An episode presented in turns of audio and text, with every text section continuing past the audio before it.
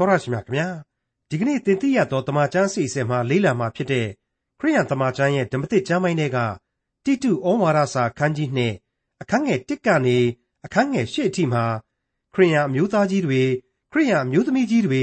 လူပြိုတွေအပြိုတွေအတွက်ရှိရမယ့်အရာတွေထားအပ်တဲ့သဘောထားတွေကိုဖော်ပြထားပါတယ်ဒီလိုမှမဟုတ်ရင်တော့အများတကာရဲ့ကဲ့ရဲ့ခြင်းကိုခံရမှာဖြစ်တယ်လို့ဖျားရှင်ရဲ့နှုတ်ကပတရားတော်ဟာလည်း ကဲ့ရဲ့ခြင်းကိုခံရမှာဖြစ်ပါတယ်။အရာရာ၌ကောင်းသောအကျင့်တို့၏ပုံသက်တွေကိုကိုယ်တိုင်ပြကြလော့လို့လည်းဖော်ပြထားပါတယ်။ဒီကနေ့ခရိယန်ကြီးကြီးငယ်ငယ်ပြိုပြိုအိုအိုတို့အနေနဲ့သတိထပ်ကြရမယ့်အရေးအကြီးဆုံးအချင်းအရာတစ်ခုဖြစ်ပါတယ်။ခရိယန်သင်းတော်အဖွဲ့အစည်းတွေဟာဆုံးမသွန်သင်တဲ့နေရာမှာလဲဘုရားရှင်ရဲ့နှုတ်ကပတရားတော်နဲ့အညီသာဖြစ်ကြရမယ်အကြောင်း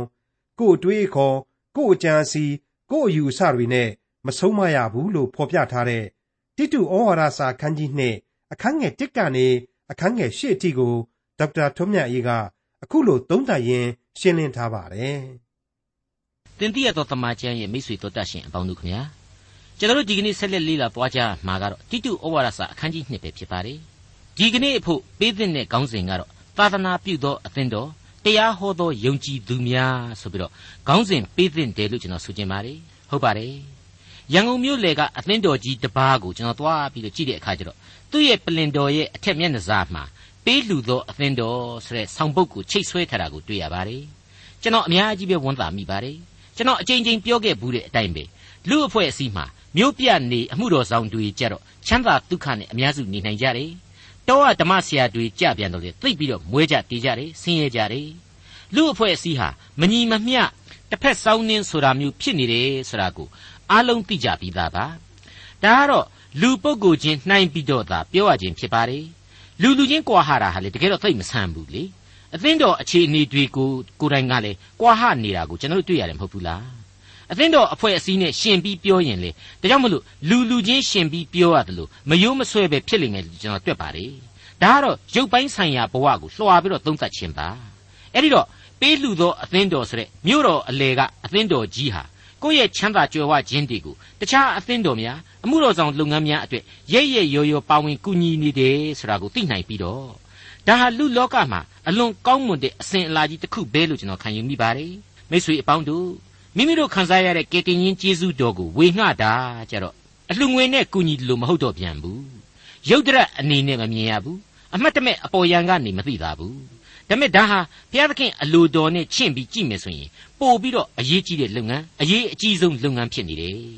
လူပောင်လောကမှာလူတိုင်းနဲ့ဆိုင်တဲ့ကယ်တင်ရှင်ကျေးဇူးကိုပြုခြင်းဖြစ်တယ်ဒါပေမဲ့စောကပေးလူသောအသင်းတော်ကြီးကိုယ်တိုင်ဟာတစ်ဖက်ကအလှူဒါနတွေကိုပေးရင်လှူရင်းနဲ့ခရစ်တော်ရဲ့ဧဝံဂေလိဝမ်းမြောက်ဖွယ်သတင်းကိုလူတိုင်းထိတွေ့နိုင်ဖို့မပြတ်မကွက်လှုပ်ဆောင်ရသောအလုပ်ဖြစ်သလိုအသင်းတော်တိုင်းလုပ်ရမယ့်အဓိကအလုပ်လည်းဖြစ်ပါတယ်ဟုတ်ပါတယ်သာသနာပြုသောအသင်းတော်တရားဟောသောယုံကြည်သူများဖြစ်ဖို့အရေးဟာ ဒီကနေ့အရေးပါဒါကြောင့်မလို့တိတုဩဝါဒစာအခန်းကြီး2ကစတင်ဖော်ပြပေးလိုက်တာကတော့သင်မူကားစင်ကြယ်သောဩဝါဒနှင့်ထိုက်တန်သမျှတို့ကိုဟောပြောလော့မိတ်ဆွေအဲ့ဒါဟာတိတုဩဝါဒစာအခန်းကြီး2ရဲ့အငယ်1ပဲ sound doctrine လို့ခေါ်တဲ့ဥစ္စာကိုစင်ကြယ်သောဩဝါဒဆိုပြီးတော့ဆရာကြီးယူရတန်ဘာသာပြန်ပေးလိုက်ပါတယ်တနည်းအားဖြင့်အသရေနှင့်တင့်တယ်သောဩဝါဒစစ်မှန်သောဩဝါဒ ပြည်ပြင်းထေရှားပြတ်သားသောဩဝါဒဆိုတဲ့များစွာသောဂုံပုတ်တွေအကုန်လုံးနဲ့ကိုက်ညီတဲ့ဝေါ်ဟာရလို့ကျွန်တော်ဆိုချင်ပါတယ်ဟုတ်ပါတယ်သင်မူကားစင်ကြယ်သောဩဝါဒနှင့်ထိုက်တန်သမျှတို့ကိုဟောပြောလော့တိတုဩဝါဒစာအခန်းကြီး2အငယ်1မှ6အသက်ကြီးရင်သောယောက်ျားတို့သည်တမာတရိရှိသောသူတည်ကြည်သောသူအိန္ဒိယစောင့်သောသူယုံကြည်ခြင်းချစ်ခြင်းသီးခံခြင်း၌စိတ်တန်သောသူဖြစ်ရမည်အကြောင်း ထိုနည်းတူအသက်ကြီးရင်သောမိမတို့သည်ကြင့်ကြံပြုမှုရမှဓမ္မအမှုနှင့်ထိုက်တန်သောသူမချောစားတတ်သောသူစပြည့်ရည်၌မလွန်ကျူးတတ်သောသူ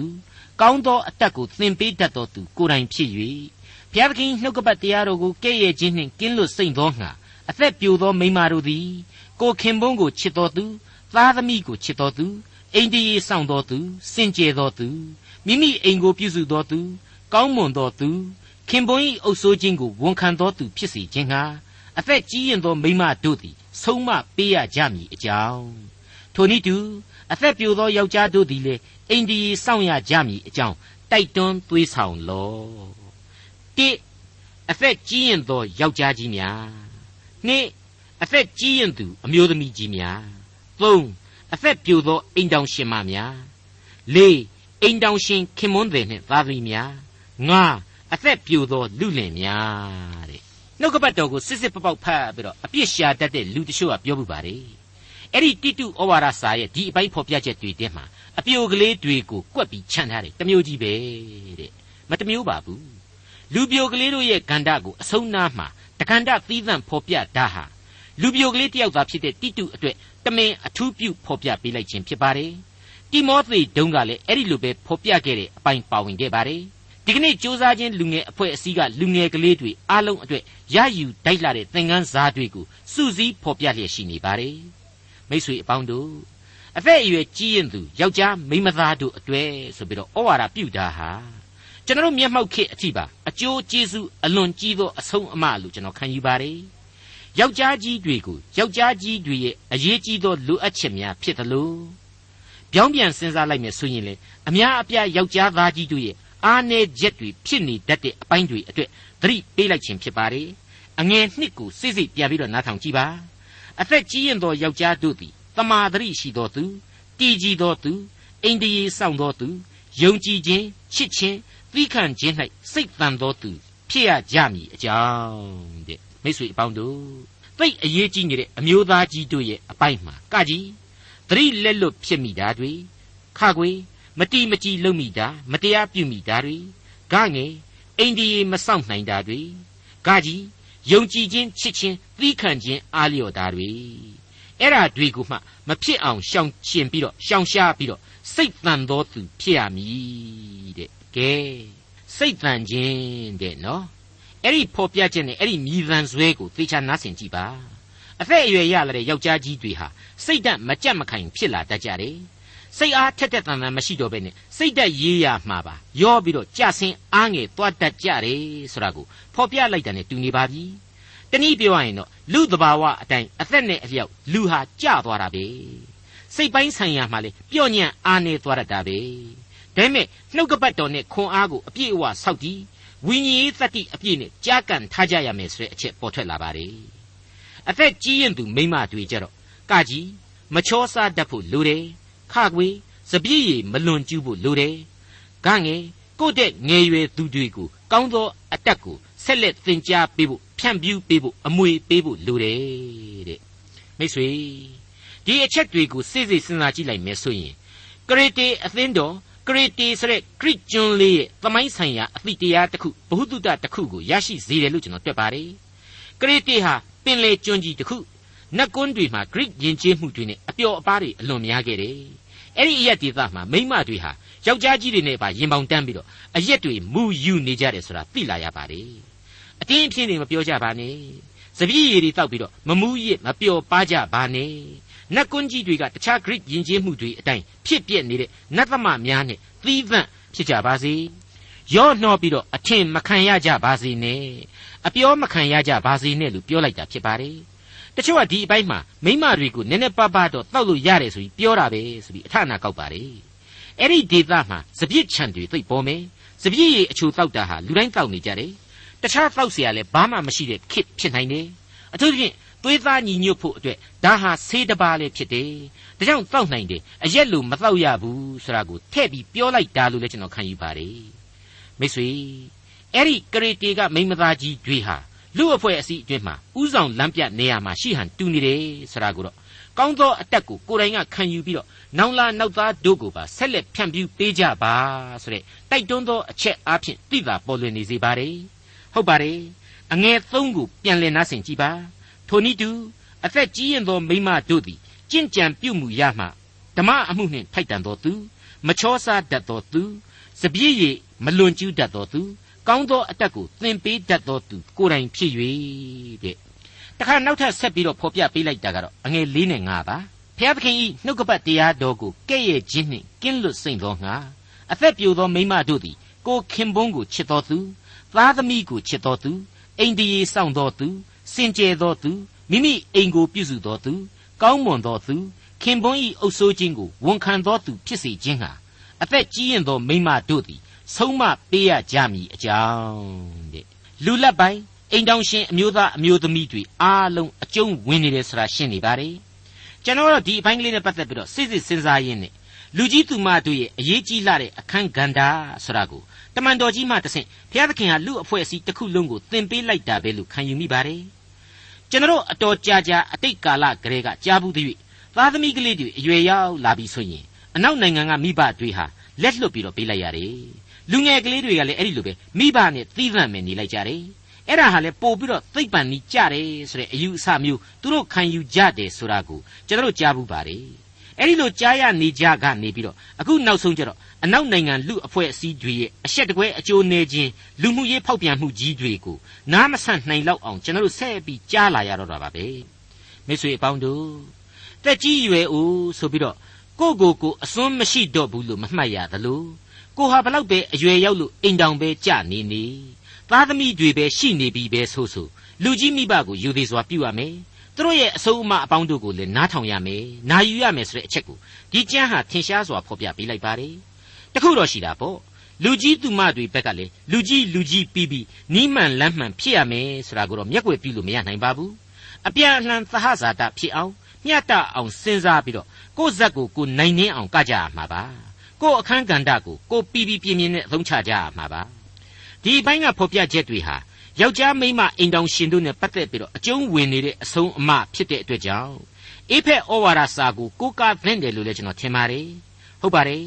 အေဖက်ဩဝါဒစာအခန်းကြီး9နဲ့6ထဲကအချက်အချို့ကိုပြန်ပြီးတော့တင်ပြပါရစေအေဖက်ဩဝါဒစာအခန်းကြီး9အငယ်21ကနေ29အတွင်းမှာအခုလိုကျွန်တော်တို့ဖတ်ခဲ့ရပါတယ်ခရစ်တော်ကိုခံရသောအဖြစ် အချင်းချင်းတယောက်အောက်တယောက်ကိုကိုနှိမ်ချလျက်နေကြလော့အချင်းမိမတို့သခင်ဖျား၏အုပ်ဆိုးတော်မူခြင်းကိုဝန်ခံတဲ့ကဲ့သို့ကိုခင်ပွန်း၏အုပ်ဆိုးခြင်းကိုဝန်ခံကြလော့အကြောင်းမူကားခရစ်တော်သည်အသင်းတော်၏အပေါ်မှာခေါင်းဖြစ်တော်မူတဲ့ကဲ့သို့ယောက်ျားသည်မိမိခင်ပွန်း၏အပေါ်မှာခေါင်းဖြစ်၏ခရစ်တော်သည်လည်းမိမိကိုယ်ကိုကယ်တင်တော်သူဖြစ်တော်မူ၏ အသင်းတော်သည်ခရစ်တော်၏အုပ်ဆိုးတော်မူခြင်းကိုဝန်ခံတဲ့ကဲ့သို့မိမတို့လည်းကိုခင်ပွန်း၏အုပ်ဆိုးခြင်းကိုအရာရာ၌ဝန်ခံရကြမည်အချင်းယောက်ျားတို့ခရစ်တော်သည်အသင်းတော်ကိုချစ်တော်မူတဲ့ကဲ့သို့သင်တို့လည်းကိုခင်ပွန်းကိုချစ်ကြလော့ထိုအသင်းတော်သည်တန်ရှင်းလျက်အပြစ်ကင်းလျက်ရှိသည်ဖြစ်၍အညစ်အကြေးတင်ခြင်းအရေးတွန့်ခြင်းမှစသည်တို့နှင့်လွတ်လပ်သဖြင့်အသရေတင့်တယ်လျက်ရှိသောအသင်းတော်ကိုခရစ်တော်သည်မိမိအားဆက်သအံ့သောငါ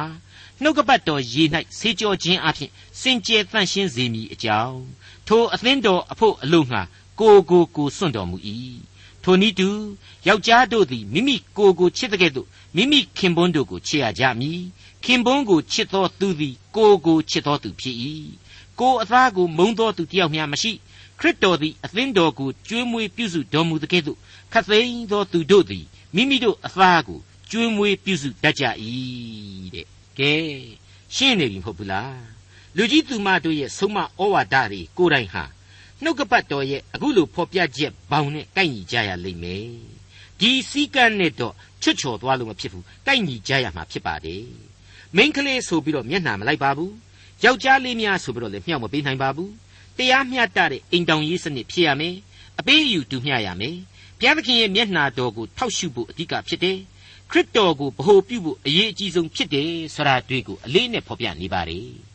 အဲ့ဒီနောက်မှာမှဆက်လက်ဖော်ပြပေးလိုက်တာကတော့အသက်ပြိုသောယောက်ျားတို့သည်လေအိန္ဒိယစောင့်ကြရမည်အကြောင်းတိုက်တွန်းသွေးဆောင်လောတဲ့မိတ်ဆွေကျွန်တော်စောစောပိုင်းကလေးကဖော်ပြပေးလိုက်တဲ့အတိုင်းပါပဲနော်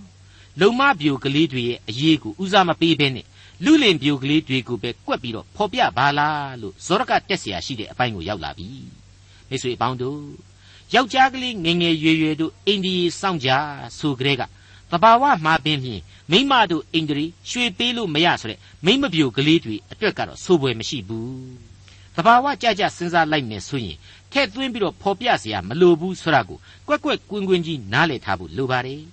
အဲ့ဒီလိုမိမသားတို့ရဲ့အခန်းကဏ္ဍနဲ့မိမသားတို့ရဲ့အခန်းကဏ္ဍကိုအမိနာမနဲ့ထက်သွင်းမထားတာနဲ့ပဲတိတုဩဝါဒစာဟာမစုံလင်ဘူးဆိုတဲ့အယူအဆကိုကျွန်တော်တို့ပယ်ချလိုက်ပါတယ် အငယ်တစ်ကစပြီးအငယ်9အထိဖော်ပြခဲ့တဲ့အချက်တွေမှပင်ဖြင့်အမျိုးသမီးအိမ်တောင်ရှင်မတို့ရဲ့အရေးကြီးလာသောကဏ္ဍကိုဖော်ပြပေးထားပြီးသားဖြစ်ပါတယ်ထိုနည်းတူအသက်ကြီးရင်သောမိမတို့သည်ကြင့်ကြံပြုမှုရမှအရမအမှုနှင့်ထိုက်တန်သောသူမမချောစားတတ်သောသူစပြည့်ရည်၌မလွန်ကျူးတတ်သောသူကောင်းသောအတတ်ကိုသင်ပေးတတ်သောသူကိုယ်တိုင်ဖြစ်၍ဘုရားသခင်နှုတ်ကပတ်တရားတော်ကိုကဲ့ရဲ့ခြင်းနှင့်ကင်းလွတ်စိမ့်သောငါအသက်ပြိုသောမိမတို့သည် ကိုခင်ပွန်းကိုချစ်တော်သူသားသမီးကိုချစ်တော်သူအိန္ဒိယစောင့်တော်သူစင်ကြယ်တော်သူမိမိအိမ်ကိုပြုစုတော်သူကောင်းမွန်တော်သူခင်ပွန်း၏အုပ်ဆိုးခြင်းကိုဝန်ခံတော်သူဖြစ်စေခြင်းငှာအသက်ကြီးရင်သောမိမတို့သည်ဆုံးမပေးရကြမည်တဲ့ဟုတ်ပါတယ်အမျိုးသမီးအပေါင်းတို့ရဲ့ဂန္ဓဟာအဲ့ဒီအပိုင်းမှာဖော်ပြရှင်းလင်းထားယုံနဲ့ပဲဘလောက်ထိအရေးကြီးတယ်အသင်းတော်ရဲ့အဖွဲ့အစည်းအတွင်းကမိခင်ကြီးတွေရဲ့စွန့်ပကတ္တိဟာ ဘလောက်ထိလိုအပ်တယ်ဆိုတာကိုကျွန်တော်သိနိုင်ကြပြီးပြီဖြစ်ပါတယ်အသက်ပြိုသောမိမတို့သည်ကိုခင်ပွန်းကိုချစ်တော်သူသားသမီးကိုချစ်တော်သူတဲ့အဲ့ဒီလိုဖော်ပြခဲ့တာကိုအငယ်၄မှာကျွန်တော်တို့တွေ့ရပြီဖြစ်ပါတယ်တခါအငယ်၅မှာကျတော့အိန္ဒိယစောင့်ရမယ်ဆိုတာကိုဆက်ပြီးတော့တွေ့ရပြန်ပါတယ်အခုအမျိုးသမီးတွေအကြောင်းမပြောဘဲနဲ့အမျိုးသားလူလင်တွေအတွက်ဖော်ပြချက်ကိုသေချာနားဆင်ကြည့်ပါအသက်ပြိုသောယောက်ျားတို့သည်လေ အိန္ဒိယစောင့်ကြရမည်အကြောင်းတဲ့မိတ်ဆွေအသက်ပြိုသောမိန်းမအသက်ပြိုသောယောက်ျားဘာများထူပါသေးသလဲအသက်ပြိုသောမိန်းမတို့ကိုကိုယ်လင်သားနဲ့ကိုယ်သားသမီးတို့နဲ့ဆက်ဆက်ပေးထားတဲ့အတွက်ကြောင့်အိမ်တော်ပြိုသောအသက်ပြိုသူမိန်းမသားများအဖြစ်စည်ရင်သွင်းထားတာတော့မှန်ပါတယ်အခုအသက်ပြိုသူယောက်ျားများဆိုတာကြတော့အိမ်တော်မပြုတ်သေးသူတကိုယ်ကြီးတကားရပြိုရွယ်သူတွေကိုကိုစားပြုထားပါတယ်အသက်ပြိုသူကြီးပဲဖြစ်တာတော့အတူတူပါပဲ အိမ်တောင်ကြတဲ့သက်ပြိုသူတွေဟာအိမ်တရေစောင့်ပြီးတော့အိမ်တောင်တာဝန်ကိုကြည်ကြရမယ်အိမ်တောင်မရှိသေးသောအသက်ပြိုသူတွေကတော့အိမ်တရေစောင့်ပြီးတော့ကိုယ့်ရဲ့တကိုယ်ကြီးဘဝကိုပြုစုပြိုးထောင်ရမယ်ဆိုပြီးတော့ဒီတိတုဩဝါဒစာဟာနှစ်ပိုင်းခွဲဖော်ပြလိုက်တယ်လို့ကျွန်တော်တို့မြင်နိုင်ပါတယ်တိတုဩဝါဒစာအခန်းကြီး2အငယ်9နဲ့10အရာရာ၌ကောင်းသောအကျင့်တို့၏ပုံသက်သည်ကိုကိုယ်တိုင်ပြလော့ဆုံးမဩဝါဒပေးသောအခါမိစ္ဆာဒိဋ္ဌိနှင့်ကင်းခြင်းတည်ကြည်ခြင်း အပြစ်တင်ပွဲမရှိစင်ကြယ်သောတရားစကားကိုဟောပြောခြင်းတို့ကိုပြုလော့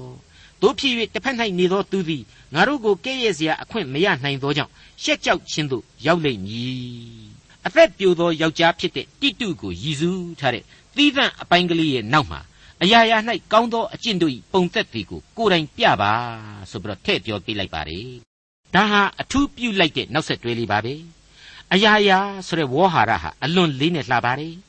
လူငယ်ကလေးတိတုဟာအမှုတော်ဆောင်တယောက်အနေနဲ့တရားဟောယုံသင်းဥဆရာလှုပ်ယုံနဲ့သာမကသေးတဲ့နဲ့ကရေတေမှာလှုပ်ဆောင်စရာတွေအခြားအများကြီးရှိနေတယ်ဆိုတာဟာထင်ရှားပါတယ်ဟုတ်ပါတယ်အခန်းကြီး1ရဲ့အငယ်9မှာဘယ်လိုဖော်ပြခဲ့သလဲဆိုရင်ငါသည်သင်ကိုမှားထားခဲ့နှင့်သည့်အတိုင်းကရေတေကျွန်း၌မစုံလင်သမျှတို့ကိုပြင်ဆင်၍မြို့ရွာများ၌သင်းအုပ်တို့ကိုခံထားစေခြင်းဟာထိုကျွန်း၌သင်ကိုငါထားခဲ့သည်တဲ့အံ့ဩဖို့မကောင်းဘူးလား မစုံလင်သမျှတို့ကိုပြင်ဆင်ဖို့ဆိုတဲ့အချက်ပါနေတယ်နော်မိတ်ဆွေအပေါင်းတို့အသင်းတော်ရဲ့လို့သာဖြစ်လာတယ်ခရစ်တော်ကိုယုံကြည်ပါတယ်ဆိုလို့သာယုံကြည်သူအဖွဲ့အစည်းကြီးဟာကရတီမှာတိဆောက်လာတယ်လိုအပ်ချက်တွေဟာအများကြီးပဲဖြစ်ခဲ့လိမ့်မယ်အိမ်တောင်ရေးလူမှုရေးစီးပွားရေးကအစဆိုသလိုတင်းရုပ်ဆရာကြီးတိတုအနေနဲ့ဥဆောင်ပြီးတော့ရှင်းလင်းပေးခဲ့ရတာတွေဟာအများကြီးရှိလိမ့်မယ်ဆိုတာကိုတွက်ဆနိုင်ပါတယ်ဒါကြောင့်မလို့ဆုံးမတဲ့နေရာမှာမိစ္ဆာဒိဋ္ဌိနှင့်ကင်းခြင်းနဲ့ တည်ကြည်ခြင်းရှိရမယ်တဲ့အမှန်တိုင်းပြောရရင်တော့ဘုရားသခင်ရဲ့နှုတ်ကပတ်တော်နဲ့အညီသာဖြစ်ရမယ်ကိုယ့်အတွေ့အခေါ်ကိုယ့်အကြံအစီအယူအဆတွေနဲ့မဆုံးမရဘူးဆိုပြီးတော့ပြညတ်လိုက်တာပါပဲမိတ်ဆွေအပေါင်းတို့ခမညာမြန်မာလိုဓမ္မတိချင်းစာအုပ်ထဲကဓမ္မတိချင်းအမှတ်စဉ်241မှာဝိညာဉ်တော်ဖျားဆင်းသက်တော်မူပါလောကဆွဲလန်းခြင်းကိုစိတ်မှဖယ်ရှားကိုတော်စွမ်းအားကြီးအားနေခြင်းမဆာ ကိုတော်ရှင်အားအကျွင့်မဲ့ချစ်စီပါဆိုတဲ့သချင်းကလေးကိုကျွန်တော်သွားပြီးသတိရမိပါတယ်အဲ့ဒီသချင်းရဲ့တတိယအပိုက်ရောက်လို့ရှိရင်လေကိုတော်အစဉ်တူရှိကြောင်းသိစေမူပါစုံစမ်းခြင်းကိုခံနိုင်စေတော်မူပါမိစ္ဆာယူဝါဒပုန်ကန်ခြင်းစီတာတောင်းသမျှမရလျင်သီးခံစေပါဆိုပြီးတော့တွေ့ရပါတယ်ဒီတော့မိစ္ဆာဒိဋ္ဌိနှင့်ကင်းစင်ခြင်းဆိုတာဟာဘုရားသခင်ကိုဘယ်တော့မှပုန်ကန်ခြင်းမပြုနဲ့ဆိုတဲ့သဘောပဲဖြစ်နေပါတယ်မိတ်ဆွေအပေါင်းတို့ အခုလိုတိတုကိုမှားကြားတဲ့အချက်တွေကိုတွေ့ရတော့တိမောသေကိုတမန်တော်ကြီးမှားကြားခဲ့တဲ့အချက်တစ်ခုနဲ့လေရှင်တွဲသတိရအောင်မိမိပါတယ်တိမောသေဩဝါဒစာပထမစာဆောင်အခန်းကြီး6ရဲ့ဏီကုံအငယ်20နဲ့21ကိုပြန်ပြီးတော့ကြည်ပါ။အိုးတိမောသေသင်၌အပ်ထားသောအရာကိုစောင့်ရှောက်လော့။တရားမဲ့ဖြစ်သောအချီးနှီးစကားပြောခြင်းကို၎င်းသိပ္ပံအတတ်ဟု၍အလွဲခေါ်ပေါ်သောသိပ္ပံအတတ်စီတာနှောက်ယှက်ခြင်းကို၎င်းရှောင်လော့။ ထိုသိပ္ပံအတက်ကိုလူအချို့တို့သည်ဝန်ခံပြုစုသောအဖြစ်ယုံကြည်ခြင်းတရားလမ်းမှလွဲကြပြီသင်၌ကျေးဇူးတော်ရှိစေတည်းအာမင်တဲ့အဲ့ဒီလိုဖြစ်ခဲ့ပါလေမိတ်ဆွေအပေါင်းတို့တရားမဲ့အချီးနှီးစကားသိပ္ပံအတက်ဤစီတာနှောက်ယှက်ခြင်းဆိုတာတွေဟာအဲ့ဒီမိစ္ဆာဒိဋ္ဌိလမ်းကြောင်းတွေနဲ့အလွန်နီးစပ်တဲ့အကြောင်းတင်ပြလိုက်ပါရစေမိတ်ဆွေအပေါင်းတို့သိပ္ပံပညာနဲ့ဘယ်လို့မှတိုင်းတာလို့မရလောက်အောင် ကြီးမြင့်တဲ့ဝိညာဏအသက်လန်းစားပေးကိုသိပ္ပံဤကြအစာမတုတ်ဖို့သိပြီးတော့အရေးကြီးပါတယ်ဒီလောကရသိပ္ပံလောကရသိပ္ပံအတက်ပညာဆရာဟာအဖဖျားသခင်ကကျွန်တော်ရဲ့လောကအသက်လန်းအတွက်သူပေးထားပြီးသားအရာတွေကိုသာလူသားပညာရှင်တွေဟာရှာဖွေတွေ့ရှိပြီးတော့လူအဖွဲ့အစည်းရဲ့သမိုင်းဝင်ရုပ်လောကတိုးတက်ဖွံ့ဖြိုးမှုတွေကိုခံယူစေဖို့ဖြစ်ပါတယ်။နှိုင်းရှင်ချက်အနေနဲ့ဆိုရင်ဘုရားသခင်ရဲ့နှုတ်ကပတ်တော်ကိုခံယူကြရမှာ အရှင်သိပ္ပံနီးမကြတဲ့လော်ကီအဘိဓမ္မာတွေတရားနုတွေမိမ့်မအိုပြောရသောစကားတွေဒန္တာယီတွေနဲ့တရန်တစားတွေထားပြီးတော့ကျွန်တော်ဟာသူတို့ကိုမေ့ထားကြရမှာသာဖြစ်ပါလေဟုတ်ပါတယ်မိတ်ဆွေအပေါင်းတို့ကျွန်တော်ကိုးကွယ်သောအဖဖရာသခင်ဟာသိပ္ပံအတတ်ပညာနဲ့တိုင်းတာအပ်တော်ဘုရားသခင်မဟုတ်ပါဘူးသူသာလျှင်သိပ္ပံအတတ်အလုံးစုံတို့ကိုချုပ်ကင်ထားနိုင်တော်မူသောအရှင်ဖြစ်ပါတယ်သူသာလျှင်မြေကြီးသားနှင့်မြေကြီးအရာများအလုံး လောကရနှင့်လောကသားအလုံးကိုပိုင်ဆိုင်တော်မူကြောင်းအလေးအနက်ပြုကြပါစို့မိတ်ဆွေအပေါင်းတို့ခမညာကျွန်တော်ရဲ့မျက်မှောက်ခေတ်ကာလမှာလေအမှုတော်ဆောင်လုပ်ငန်းမှာတည်ကြည်ခြင်းမရှိအစာပလာဖို့ပြီးတော့နှုတ်ကပတ်တော်နဲ့မသိမသာသွေးဖီမှုတွေတိတိတသာကြီးလွဲချော်မှုကြီးတွေရှိနေတယ်လို့ကျွန်တော်ဆွဆွဲခြင်းပါတယ်ဒီသင်သိရသောတမန်ကျန်အစီအစဉ်ရဲ့အတိတ်ခတ်ဝေးဝေးသင်ခန်းစာတွေမှာကလေးက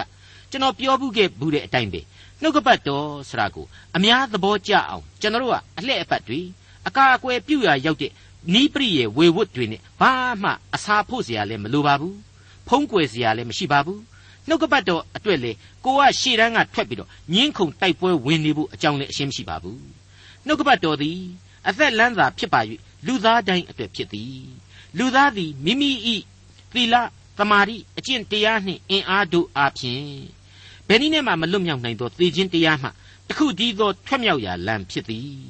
ဤလမ်းကိုအဖဖျားသခင်သည်သူချစ်၍သူဖန်ဆင်း၍ထားသောလူသားတိုင်းအတွက်ကိုယ်တိုင်ပြင်ဆင်ချထားပေးခဲ့သည်ဆိုတဲ့တစ္ဆာတရားကိုအရှိအရှိအတိုင်းတင်ပြပေးဖို့သာတာဝန်ရှိတယ်လို့ကျွန်တော်တို့ခံယူထားပါတယ်မိတ်ဆွေအပေါင်းတို့တရားဟောရာကျမ်းအခန်းကြီး32အငယ်1မှ4အတွင်းမှာဒီနှုတ်ကပတ်တော်ဖျားသခင်ရဲ့ဗျာဒိတ်တော်များနဲ့ပတ်သက်ပြီးတော့အခုလိုဖော်ပြထားကြောင်းကိုကျွန်တော်တို့တွေ့ကြရပြီးသားဖြစ်ပါတယ်။အိုးကောင်းကင်နားထောင်လော့။ငါပြောမည်။ အိုးမြေကြီးငါမွဲ့ဆိုသောစကားကိုကြားလော့။ငါဒေသနာသည်မိုးရေကဲ့သို့ဆက်ဆက်ကြ၍ငါစကားသည်နှင်းကဲ့သို့ဖြင်းညင်းစွာတက်ရောက်လိမ့်မည်။နှုသောပြိုးပင်ပေါ်မှရွာသောမူကဲ့သို့၎င်းမြက်ပင်ပေါ်မှများပြားသောမိုးရေကဲ့သို့၎င်းဖြစ်လိမ့်မည်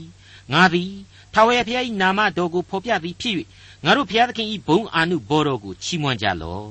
ဘုရားသခင်သည်မူလအမြင့်ဖြစ်၍အမှုတော်သည်စုံလင်ပေ၏ စီရင်တော်မူသမျှတို့သည်တရားနှင့်ညီလျက်သစ္စာဆောင်တော်ဘုရားအပြစ်ကင်းလွတ်၍ဟုတ်မှန်ဖြောင့်မတ်သောဘုရားဖြစ်တော်မူ၏တဲ့မိတ်ဆွေအပေါင်းတို့ဒီသစ္စာတရားဟာနှုတ်ကပတ်တော်သမာတရားပဲဖြစ်ပါလေအဲ့ဒီတိုင်းပါပဲဆာလံဆရာဒါဝိဒ်မင်းကြီးဟာသူ့ရဲ့136ခုမြောက်သောဆာလံအငယ်